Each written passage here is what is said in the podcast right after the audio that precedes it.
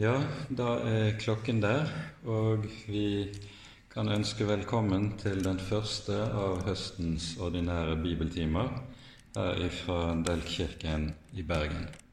Velkommen til alle som er kommet her i kirken i kveld, og velkommen til alle som følger oss via streaming. I kveld eh, går vi inn i det femte kapittelet i Første Peters brev vi rakk ikke å avslutte gjennomgangen av Petersbrevet i våres, så vi går inn i det femte kapittel. Vi tror nok at vi ikke klarer å gjøre oss ferdig med det femte kapittelet. Selv om eh, det er et relativt kort kapittel, så er det flere viktige ting som eh, vi må få med oss før vi setter punktum. Planen er, når vi er ferdig med gjennomgangen av eh, første Peters brev, at vi da skal fortsette med et av de gammeltestamentlige skriftene utover høsten, nemlig profeten Zakaria. Men eh, disse to første bibeltimene nå i høst de blir altså fra det femte kapittelet i første Peters brev. La oss nå be sammen før vi leser. Nå takker og lover vi deg, Herre vår Gud og vår Far at vi på ny skal få lov til å samles i ditt hellige navn og om ditt dyrebare ord. Takk at du selv kommer til oss i og gjennom Ordet, og i ditt ord åpenbarer din elskede Sønn for oss. Takk at vi skal få lov til å ha adgang innenfor ditt ansikt Takk for at du er den som har gitt oss øre til å høre Jesu røst. Vil du sende din Hellige Ånd, ta deg av oss og holde ørene våre åpne, at vi alltid er slike som hører. Hører hva du taler, enten det er til tukt eller til trøst. Så ber vi for bibeltimene videre utover høsten at du vil være til stede med din Hellige Ånd. Gi lys i ordet ditt, og skriv dine ord inn i våre hjerter, at vi må bli bevart, og at vi må få bli frelst. Det ber vi i vår Herres Jesu navn, og takker og lover deg fordi du er god, og din miskunnhet varer til evig tid. Amen.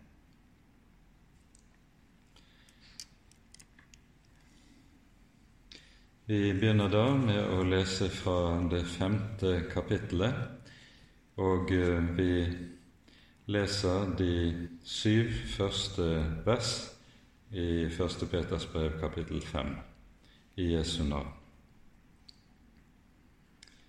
De eldste blant dere formaner jeg som medeldste og vitne om Kristi lidelser, og som en som også har del i den herlighet som skal bli åpenbart.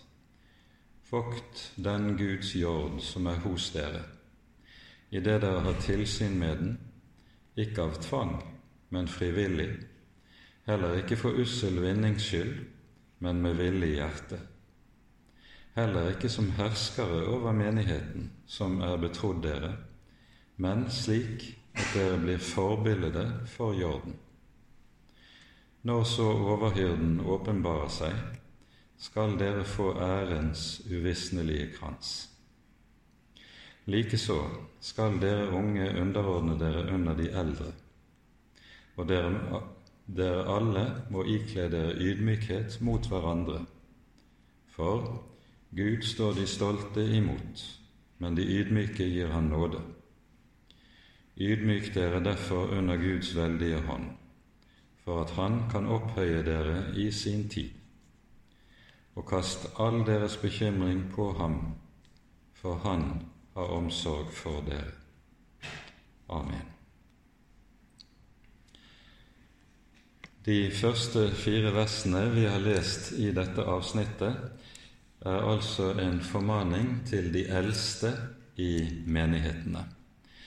Og disse ordene hører med fast som tekstlesning i forbindelse med ordinasjoner av prester i lutherske kirker.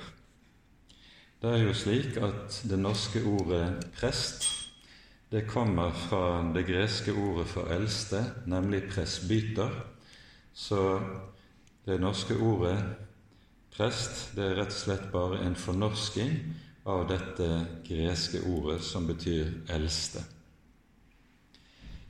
Eldstetjenesten i den kristne menighet den har sitt forbilde i og er forlengelse av den eldstetjenesten som vi kan lese om i Det gamle testamentet. Vi hører det sies allerede i Mosebøkene når Israels folk er på vandring i ørkenen, at det utkåres eldste blant folket. Og i Fjerde Moseboks ellevte kapittel hører vi hvorledes Herren, når de 70 eldste er utvalgt, så får de Den hellige ånd som utrustning for den tjenesten som de settes inn i. Og Senere ser vi gjennom hele Det gamle testamentet at de eldste har en viktig tjeneste i Guds folk. Når vi kommer til Jesu tid, så er de eldste slike som har en lederoppgave og ledertjeneste i synagogene. Og når de første kristne menighetene organiseres, så organiseres de etter forbildet av hvordan synagogen var organisert. En sak som vi er viktig å legge merke til her i teksten, det er noe som vi ser i hele Det nye testamentet. Ordet for eldste det er altså presbyter. Og i vers 2 så brukes det et eget verb om den oppgaven som de eldste har. De skal ha tilsyn med Guds menighet, med Guds jord. Og Det verbet som brukes eller oversettes med å ha tilsyn, det er det ordet som heter episkopé på gresk, og som vi har bevart hos oss i ordet biskop. Og Det dette peker på, det er en hel rekke andre tekster i Det nye testamentet som har tilsvarende trekk, det er at i den eldste kristne menighet så var det ingen forskjell på presbytertjenesten og tilsynstjenesten, eller det vi kaller for bispetjenesten. Det er først en senere kirkehistorisk utvikling som fører det med seg at biskopene får en overordnet rolle i forhold til eh, menighetene og eh, med tilsyn også til presbyterne i de ulike menighetene. Men i Det nye testamentet er det altså slik at det ikke er noe skille mellom disse to. Det kan være nyttig å være klar over det når vi ser på disse tekstene. Det betyr at den ordningen som vi har i våre kirker med at vi har biskoper, det er noe, en ordning som er etter det som kalles for menneskelig rett, og ikke etter guddommelig rett. Det er en praktisk ordning som ikke er pålagt oss i Guds ord, og som kan være nyttig og god, men den er ikke, den er ikke altså noe som er forordnet av Gud. Men det er altså etter menneskelig rett. Nå hører vi at Peter sier om seg selv de eldste blant dere formaner jeg som medeldste. Peter setter seg altså så å si ved siden av, i samme sete, som de som er utpekt til eldste i menighetene, og sier med det at han ikke krever noen holdt på å si overordnet stilling i forhold til alle andre, men han sier om seg selv 'Jeg er deres medeldste'. Og I dette så ser vi et sinnelag som eh, så å si blir borte senere i kirkehistorien når pavedømmet vokser frem, og paven krever å være den øverste leder for hele den kristne kirke. Sånn Et sånt toneleie finner vi overhodet ikke hos Peter i det som vi leser her. For saken, eh, det Peter gjør meget tydelig, er jo det som sies i vers 3. Dere skal ikke være som herskere over menighetene. Tvert om, dere skal være som tjenere. Eldstetjenesten omtales i Det nye testamentet i en rekke sammenhenger. Og det er helt klart at denne tjenesten er en tjeneste som er Gud villet og Gud pålagt i menighetene. I apostelgjerningenes 14. kapittel hører vi om Paulus, hvorledes han etter den første misjonsreisen vender tilbake og besøker alle menighetene som blitt dannet under den første reisen, og så sies det om Paulus at han innsetter eldste i hver menighet. Likeledes hører vi at Paulus i innledningen til Titus' brev Eh, sier til Titus at dette er en av hans viktigste oppgaver når Titus er latt igjen på Kreta, at han skal innsette eldste i hver menighet.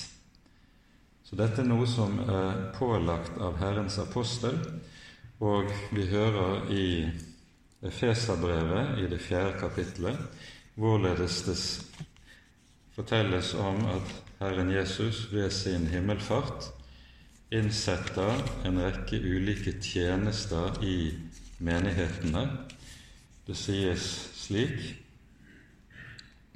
Han er den som ga noen til apostler, noen til profeter, noen til evangelister, noen til hyrder og lærere, for at de hellige kunne bli gjort i stand til tjenestegjerning, til oppbyggelse av Kristi legeme.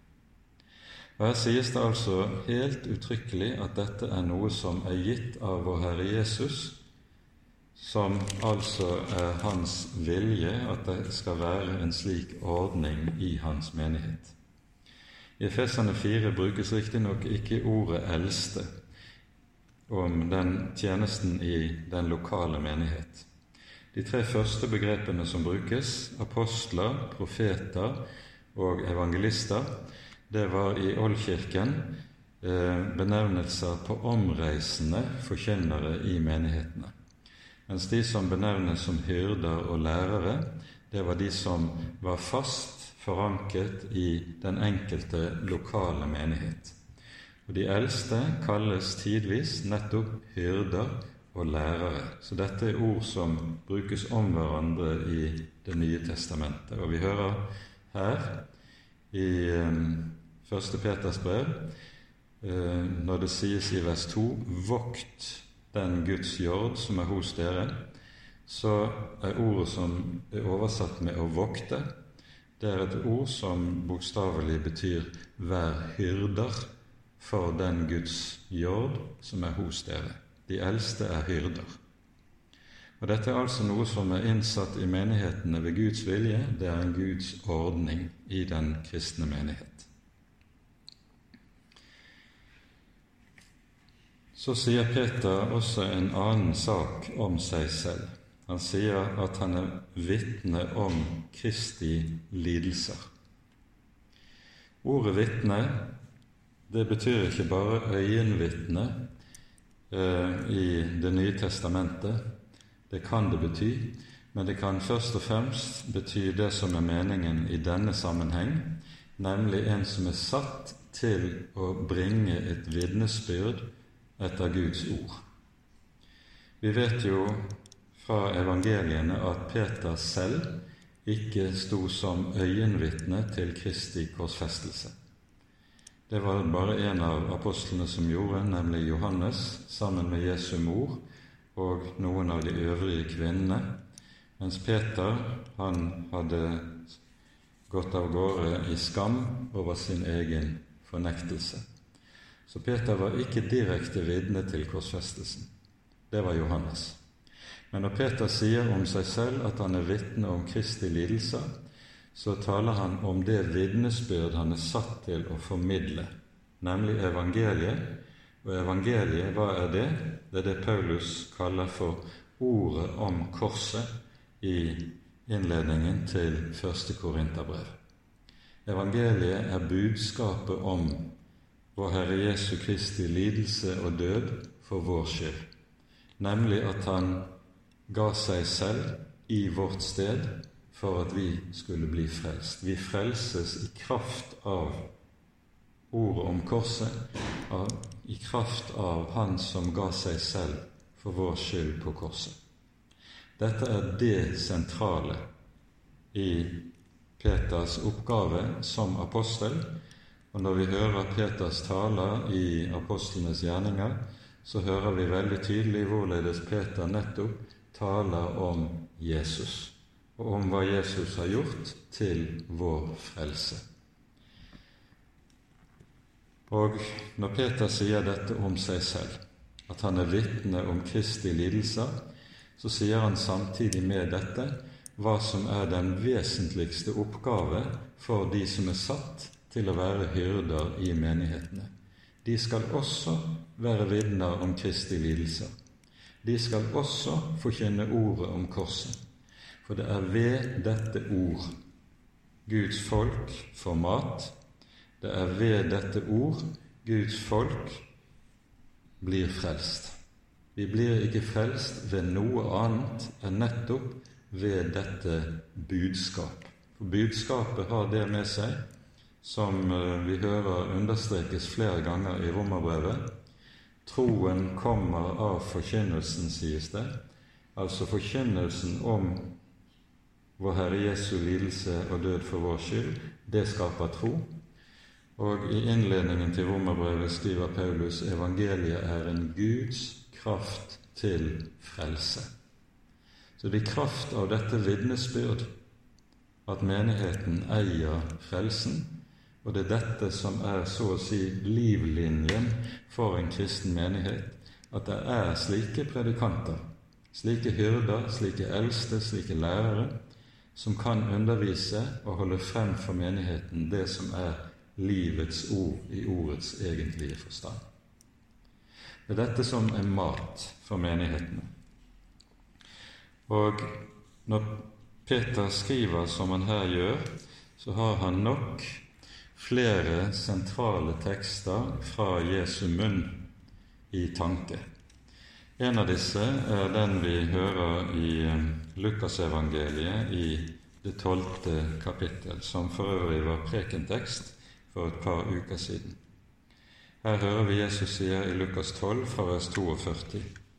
Herren sa, Hvem er da den tro og kloke forvalter, som Herren setter over husfolket sitt for å gi dem deres mat i rette tid? Salig er den tjener som Herren finner i ferd med å gjøre dette når Han kommer. Sannelig sier jeg dere, han skal sette ham over alt det han eier.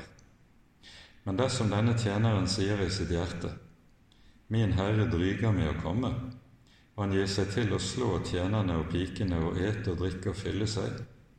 Da skal denne tjenerens herre komme en dag han ikke venter, og i en time han ikke vet, og han skal hogge ham ned og gi ham del med de vantro.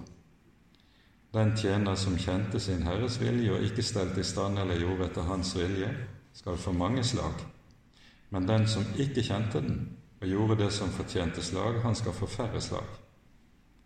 Hver den som mye er gitt av ham, skal mye kreves, og den som har fått mye betrodd, av ham skal dess mer fordres. Her sies det altså meget tydelig at forvalternes oppgave er å gi husfolket mat. Paulus kaller seg selv i sin tjeneste som apostel nettopp for en forvalter over Guds hemmeligheter. Og ordet om korset kalles nettopp for en Guds hemmelighet i Det nye testamentet. Å forvalte dette evangelium på rette måten, slik at menigheten får mat, det er det som er hyrdenes viktigste oppgave. Og Derfor er dette også det en menighet skal be om når de samles i Guds hus, og be om når de kaller hyrder. Gi oss hyrder som kan gi oss mat. Mat fra Guds ord, slik som vår Herre Jesus sier det, mennesket lever ikke av brød alene, men av hvert ord som går ut av Guds munn. Det er slik mat Guds folk skal ha, og det er slik mat Guds folk skal utbe seg. For det er ordet, det er i ordet vi får den rette mat. Den andre teksten som Peter ganske sikkert har i minne når han skriver som han her gjør, det er avskjedsordene fra Herren Jesus som vi finner i Johannesevangeliets 21. kapittel. Her hører vi i vers 15 det sies slik Jesus møter disiplene ved Genesaretsjøen etter oppstandelsen, og etter at de har fått den store fiskefangsten, så sies det slik Da de hadde holdt måltid, sier Jesus til Simon Peter, Simon Johannes' sønn, elsker du meg mer enn disse? Peter sier til ham, Ja, Herre, du vet at jeg har deg kjær. Jesus sier til ham, Fø mine lam. Igjen sier han til ham annen gang, Simon Johannes' sønn, elsker du meg? Og han sier til ham, Ja, Herre, du vet at jeg har deg kjær. Og han sier til ham, Vokt mine får, altså vær hyrde for mine får.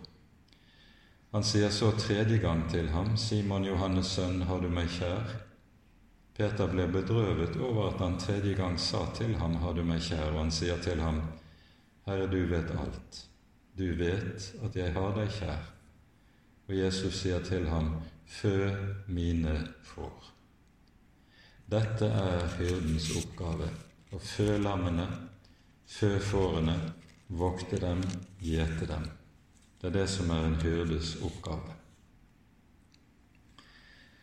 Og det er, sies altså at i vers 2 i vår tekst Vokt, vær hyrder for den Guds jord som er hos dere, idet dere har tilsyn med den, ikke av tvang, men frivillig, heller ikke for ussel vinnings skyld, men med villig hjerte. Så understrekes det først dette å ha tilsyn med. En god hyrde sørger for nettopp dette. Ehm, I vår bibel, og ikke minst i Det gamle testamentet, hører vi ganske meget om hyrdens gjerning og oppgave. Og det å være hyrde i ehm, datidens Israel eller Palestina, det var et ganske hardt arbeid. Vi hører Jakob beskrive sine år når han gjetter flokkene, saueflokkene og geiteflokkene til eh, sin svigerfar Laban, beskriver dette arbeidet som et arbeid der han aldri riktig fikk hvile. Og eh, når David taler om seg selv som hyrde, forteller han om hvordan det hørte til hans oppgave å verne flokken mot rovdyr. Og han beretter ganske kortfattet at han både har møtt løve og bjørn, som var ute for å slå flokken, og som var det hans oppgave å tre opp imot disse og redde flokken. Og rovdyr er jo i Bibelen bl.a. bildet på disse som vil ødelegge Kristi menighet gjennom vrang lære. Dette hører vi om ikke minst i Paulus' avskjedstale til de eldste i Efesos, som vi finner i apostelgjerningenes 20. kapittel. Denne talen til de eldste i Efesos er en uhyre viktig tekst i Det nye testamentet når det gjelder beskrivelse av hva som for det første var Paulus' egen tjeneste som med evangeliet, men like meget også som en beskrivelse av hva som skal være de eldstes, hyrdenes, oppgave når de gjør tjeneste i Kristi menighet. Og så er det at Peter da understreker et par saker som står der som advarsler til de som skal være hyrder. For det første sies det dere skal vokte jorden, ikke av tvang. Det skal altså være slik at dette er en tjeneste som skjer villig. Og denne villige tjenesten den kan bare skje på én måte, nemlig slik som Paulus beskriver det i 2. Korinterbrev i det femte kapittel, der han sier om sin egen tjeneste og apostlenes tjeneste for øvrig Kristi kjærlighet tvinger oss. Det er den kjærlighetens tvang som ligger under og er drivkraften i tjenesten med evangeliet og er drivkraften i en sann og rett hyrdetjeneste. Når det sies 'Kristi kjærlighet tvinger oss', så er dette et uttrykk som er helt annerledes innholdsmessig enn om det hadde stått 'loven' eller 'budene tvinger oss'. Da ville det være slik at tjeneren med sin tjeneste var havnet nettopp inn under loven med dens tvang. Men når det sies Kristi kjærlighet tvinger oss, så får hele tjenesten en helt annen valør, en helt annen karakter. Og det er dette som altså skal være drivkraften hos en rett Herrens tjener. Ikke av tvang, men frivillig. Der Kristi kjærlighet får slippe til og gjøre sin gjerning, der er det det som er den rette drivkraft. Så følger det videre ikke for ussel vinnings skyld. Det er altså ikke for pengenes skyld en skal gjøre tjeneste. Nå er det jo slik at i Det nye testamentet understrekes det i en rekke sammenhenger at en arbeider er sin lønn verd. Og det pålegges uttrykkelig menighetene at de har en forpliktelse til å oppebære dem som er satt med tjenesten med ordet. Eh, de skal oppebære dem også økonomisk. Men at dette påhviler menighetene som en plikt, det er samtidig slik at det for hyrdenes vedkommende ikke skal være behovet for og ønsket om pekuniære midler som skal være drivkraften i tjenesten. Dessverre ser vi litt for ofte Det kommer jo ofte til syne i den kristne dagspressen at det finnes predikanter som utnytter sin tjeneste til riktig å berike seg selv. I Norge har vi heldigvis ikke de mest utrerte som vi kan høre om fra amerikansk kristenliv, der eh, enkelte predikanter kan skryte av å ha sitt eget private jetfly. En kan til og med skryte av å ha to.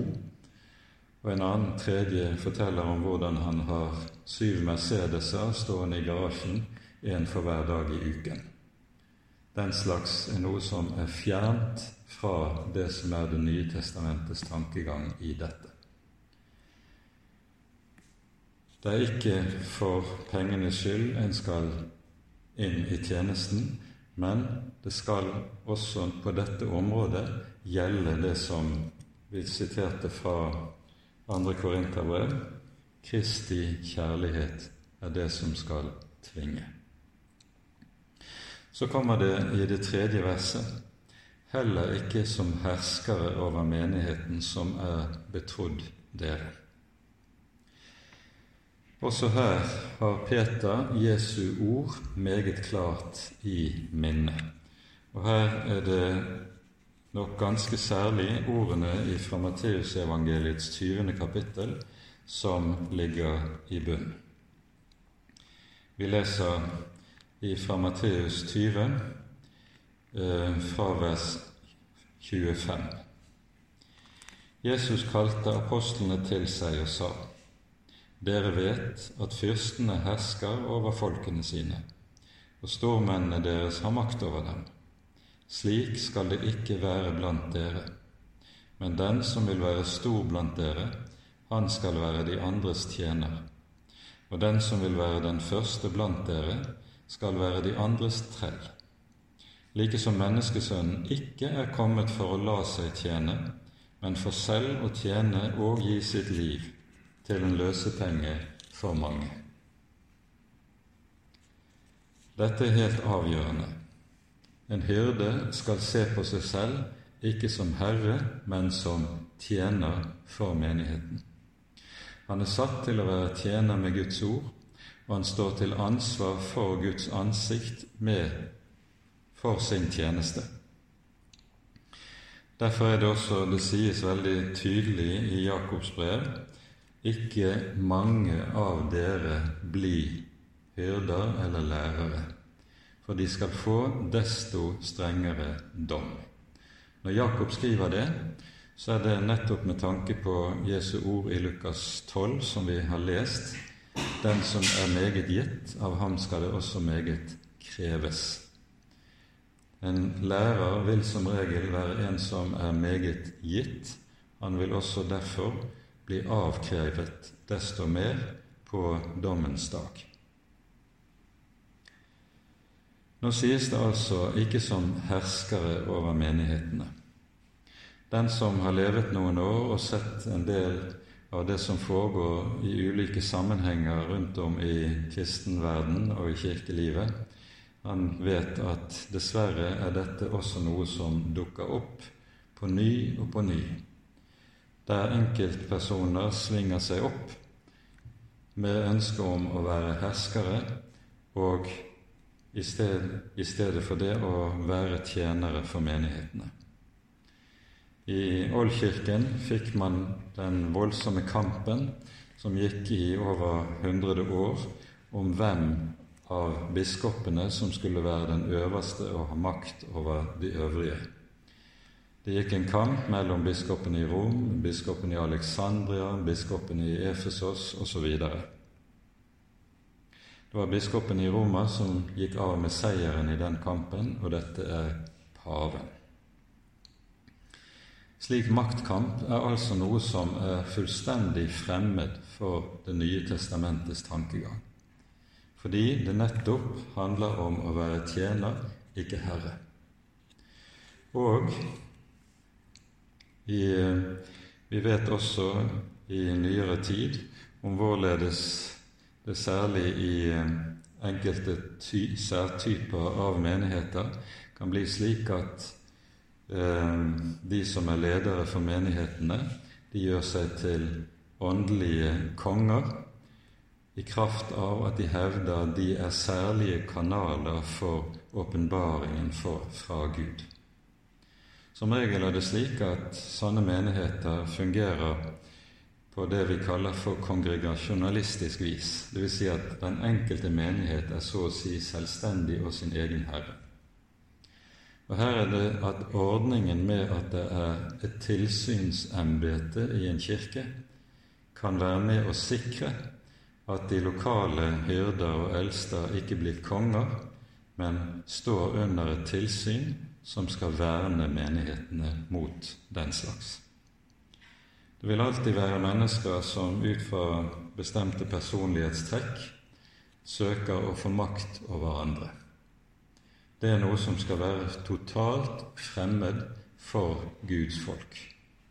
I stedet skal hyrden lære seg og øve seg i å tenke jeg er en tjener for Guds folk, jeg er en tjener med Guds ord.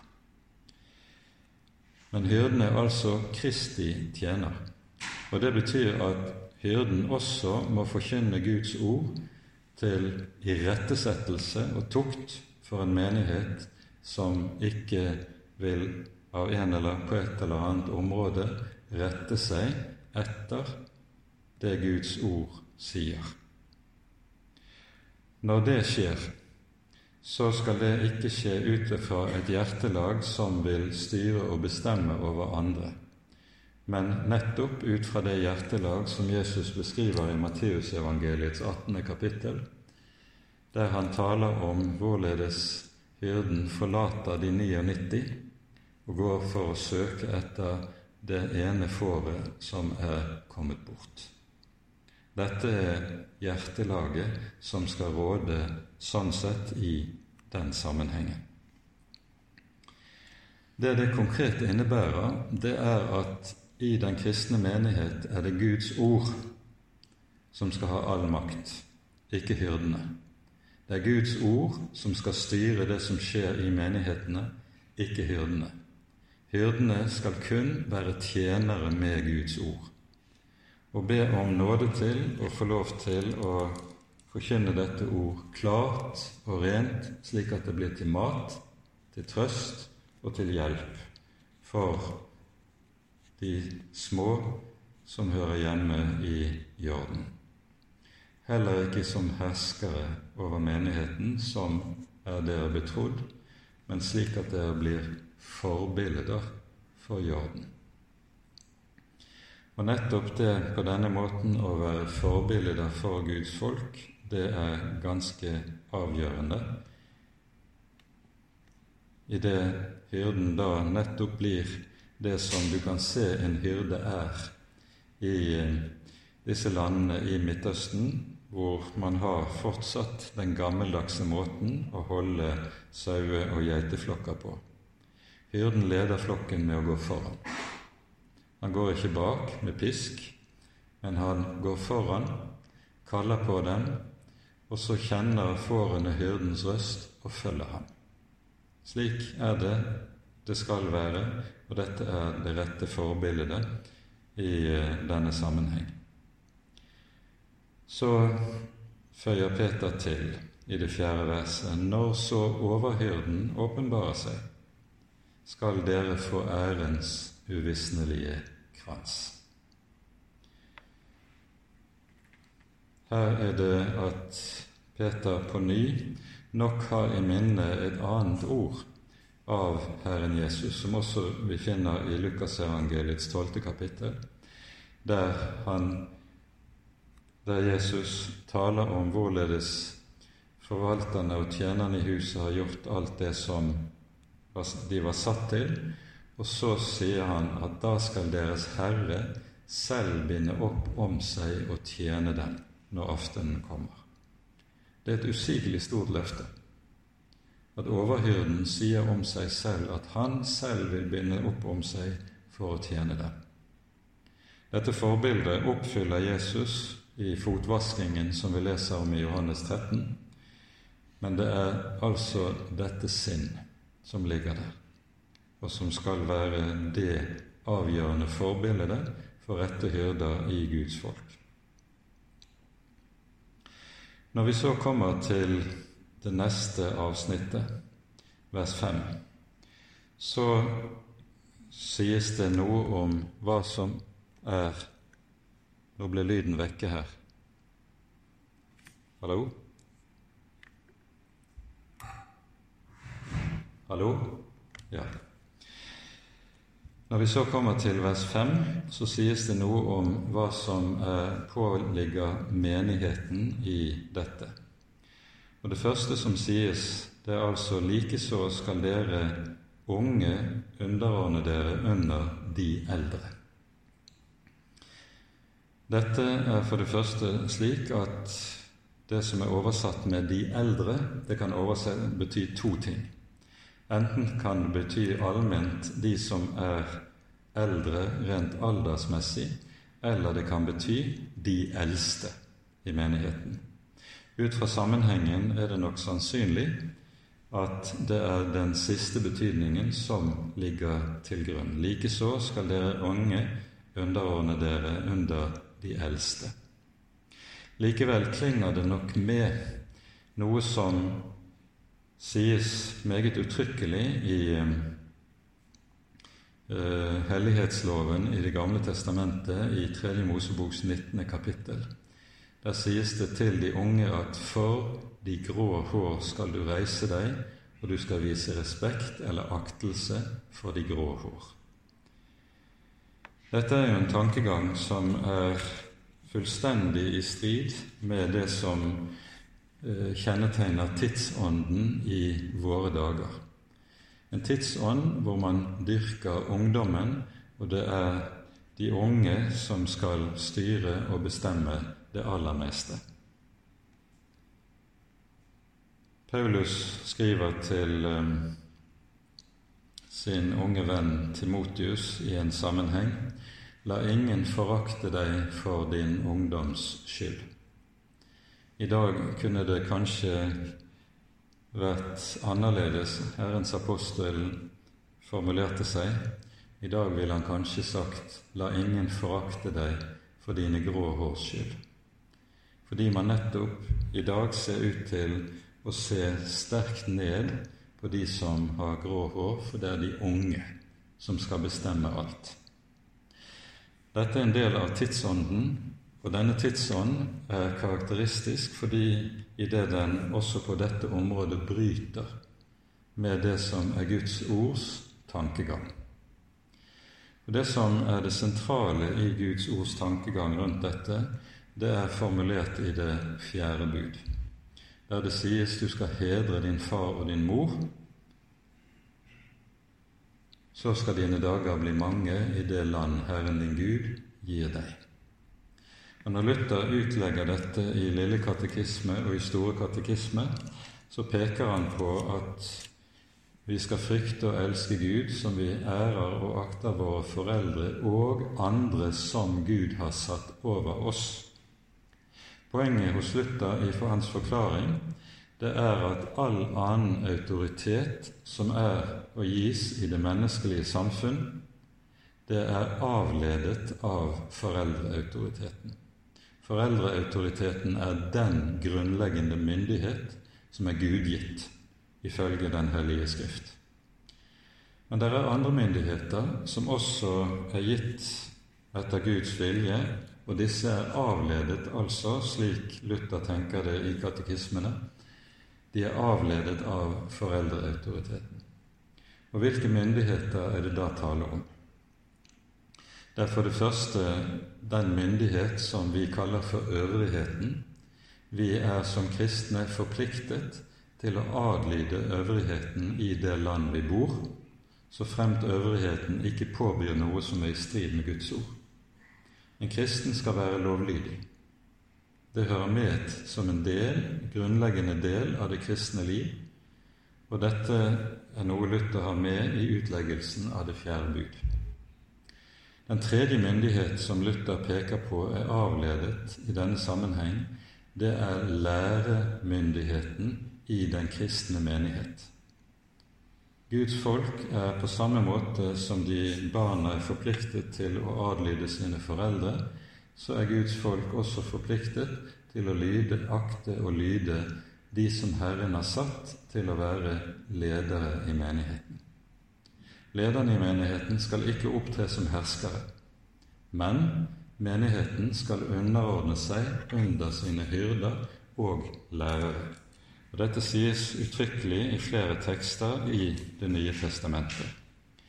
I Hebreabrevets 13. kapittel sies det slik:" Vær lydige mot deres veiledere, og rett dere etter dem, for de våker over deres sjeler og skal avlegge regnskap for det.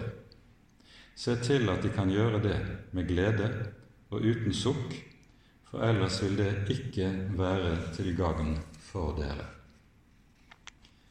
Dette er en type formaning som ser ut til å være meget aktuell i våre dager og den er aktuell med tanke på flere forhold. Det er slik i dag at det er veldig vanlig blant mennesker også å tenke om den kristne menighet som en demokratisk institusjon. Og fra eh, pietismen sin periode har det vært slik at en har tolket læren om det allmenne prestedømmet som en begrunnelse for at den kristne menighet skal styres nettopp som en demokratisk institusjon. Dette er en tankegang som er dypt fremmed for Den hellige Skrift. For Guds folk styres ikke på den måten at fårene har avstemning om hvilken vei de skal gå. Guds folk styres ved at hyrden leder dem.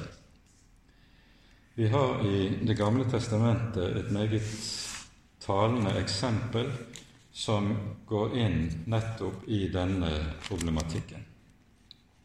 Vi finner det i Fjerde Mosebok i det 16. kapittel, der vi hører om hvorledes Kora sammen med to andre feller, Datan og Abiram, gjør opprør mot Moses og Aron. Vi leser Første Mosebok 16 fra første vers. Kora, en sønn av Jishar, sønn av Kahat, Levis sønn, sammen med Datan og Abiram, sønner av Eliab og On, en sønn av Pelet av Rubens ett, tok en flokk med seg. De sto frem for Moses og sammen med dem 250 mann av Israels barn, høvdinger i menigheten, kalte av forsamlingen, aktede menn. De flokket seg sammen mot Moses og Aron og sa til dem:" Nå får det være nok. Hele menigheten er hellig, alle sammen, og Herren er midt iblant dem. Hvorfor skal da dere opphøye dere over Herrens menighet? Vi skal merke oss hvordan Kora og Datan og Abiram begrunner sitt opprør mot Moses og Aron, sitt ønske om å få dem avsatt og seg selv innsatt i deres sted. De begrunner det med henvisning til det vi kaller for det allmenne prestedømmet. Alle, hele menigheten, er hellig. Alle er med andre ord like og like berettigede til å ha et ord med i laget på hvordan ting skal ordnes og styres i menigheten. Men det er Herren som har innsatt Moses og Aron. Det er ikke mennesker. Og de har sin myndighet og autoritet fra Herren, og derfor er det opprør som Kora her gjør mot Moses og Aron, ikke et opprør mot mennesker, men mot Gud. Det er det store alvoret i det. Det henvises i Det nye testamentet til dette i Judas brev, der det taler om Koras opprør og sinn som gjør seg gjeldende som noe som kan ødelegge den kristne menighet. Denne problematikken er det nødvendig i dagens åndssituasjon å være oppmerksom på. Fordi det er veldig fristende å tenke nettopp slik at vi skal styre den kristne menighet på samme måte som den demokratiske verden for øvrig styres. Ja, samfunnet vårt kan godt styres som et demokrati, der alle er likeverdige og har like rett. Men i den kristne menighet gjelder andre regler og andre lover. Og så taler Peter om, akkurat som Paulus gjør det i sine brever, om nødvendigheten av underordning. Hyrdene skal underordne seg i den betydning at de skal se på seg selv som tjenere, ikke herrer. Menighetene skal underordne seg på den måten at der hyrdene er rette hyrder, så skal de adlyde sine hyrder i stedet for det motsatte. Og så føyer Peter til i denne sammenhengen dere skal alle ikle dere ydmykhet mot hverandre. For Gud står de stolte imot, men de ydmyke gir Han nåde. Med dette peker Peter på det som er en allmenn formaning i Det nye testamentet, hvor eh, vi hører eh, Paulus skriver i Feserbrevet kapittel 5, vers 21. Underordne dere under hverandre i Kristi frykt. Underordning er den nødvendige ordning som gjelder i Guds folk for at kjærligheten og freden skal bli bevart. Der så ikke skjer, der selvbevisstheten reiser hodet og ønsker å bestemme, der kan enheten og fellesskapet i menigheten fort komme til å lide skade. Og Derfor er denne formaningen til det ydmyke sinn de troende imellom helt avgjørende for at menigheten også skal bli bevart i fredens sambånd, som det heter i en annen sammenheng i Det nye testamentet. Peter forlenger denne formaningen inn i noe som er allment i denne sammenheng. Ydmyk dere derfor under Guds veldige hånd, for at Han kan opphøye dere i sin tid. Og kast all deres bekymring på Han, for Han har omsorg for dere. Vi skal ikke gå inn på så mye på de to siste versene, men samle trådene i det vi har talt om i kveld med ordene om at i den kristne menighet er det Jesus som er overhyrde. Det er uttrykket som Peter anvender her i det femte kapittelet i brevet sitt. Og Paulus bruker et annet bilde når han eh, taler i sine brev om dette. Han taler om den kristne menighet som Kristi legeme, og der Jesus er hodet. Og det er med kroppen, Kristi kropp, som det er med vår fysiske kropp, den styres fra hodet. Der så skjer, der vil alt virke sammen til det gode. For det ene lem konkurrerer ikke med det annet.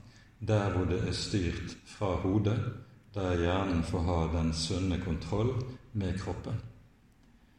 Men vi vet også om at det er sykdommer som er av en slik art at hjernen mister kontroll over lemmer i kroppen.